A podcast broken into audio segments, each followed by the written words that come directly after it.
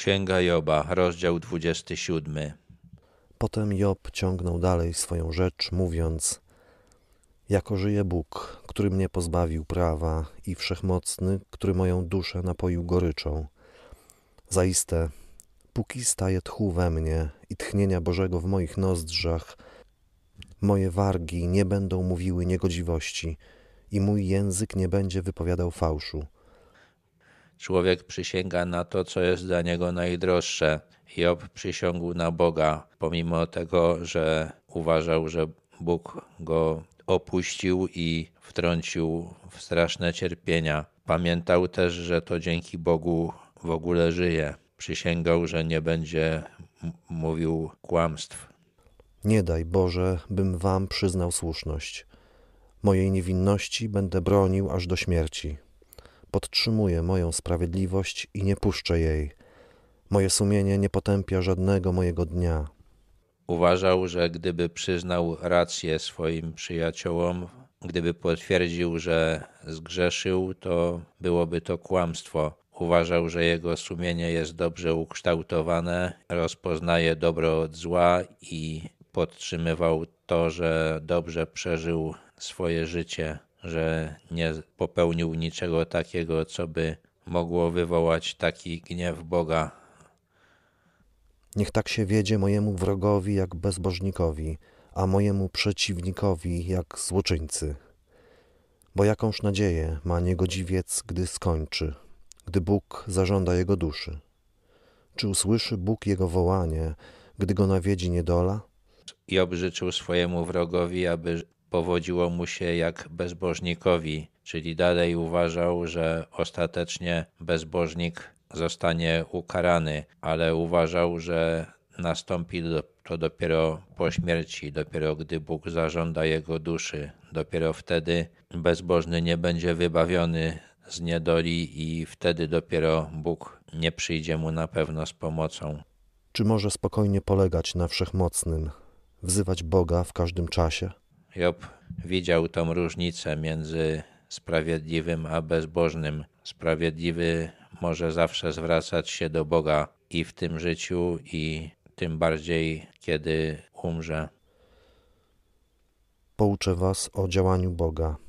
Nie zataję tego, co zamyśla Wszechmocny. Wszak wy wszyscy widzieliście to.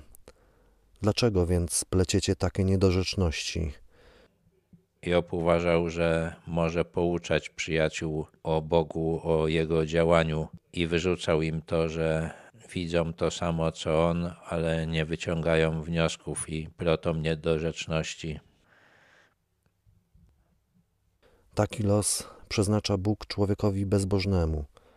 Takie jest dziedzictwo niegodziwców, które odbierają od Wszechmocnego.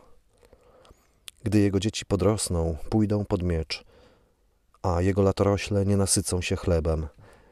Ci, co pozostaną po nim, będą pochowani w czasie zarazy, a wdowy po nich nie będą ich opłakiwały. Job tutaj streszcza te niedorzeczności swoich przyjaciół, które od nich słyszał. Pierwszą jest to, że z pewnością Bóg spowoduje, że dzieci bezbożnego już w tym świecie będą miały straszny los będą żyły w biedzie i do, będą dotknięte jakąś chorobą. Choćby nagromadził srebra jak prochu, a przygotował kupę szat jak gliny, on je przygotuje, lecz przyodzieje je sprawiedliwy, a srebro posiądzie nabożny. Następną niedorzecznością, o której Job mówi, jest to, że choćby bezbożny zgromadził majątek, to na pewno Bóg sprawi, że przejmie go jakiś dobry człowiek. Wybudował swój dom jak pająk, niby chatkę, jaką postawił sobie stróż. Kładzie się na spoczynek jako bogaty, lecz tego już nie powtórzy. Gdy otworzy oczy, nic już nie ma. Przyjaciele mówili, że pomyślność bezbożnego jest nietrwała. Tutaj Job używa tego takiego porównania jak domek z pajęczyny albo, albo szałas stróża, czyli budowle bardzo nietrwałe. Niekoniecznie musi tak być. Wcale nie, nie jest powiedziane, że człowiek, który jest przeciwny Bogu, będzie łatwo tracił wszystko, do czego doszedł, że z dnia na dzień zostanie pozbawiony wszystkiego, czego się dorobił.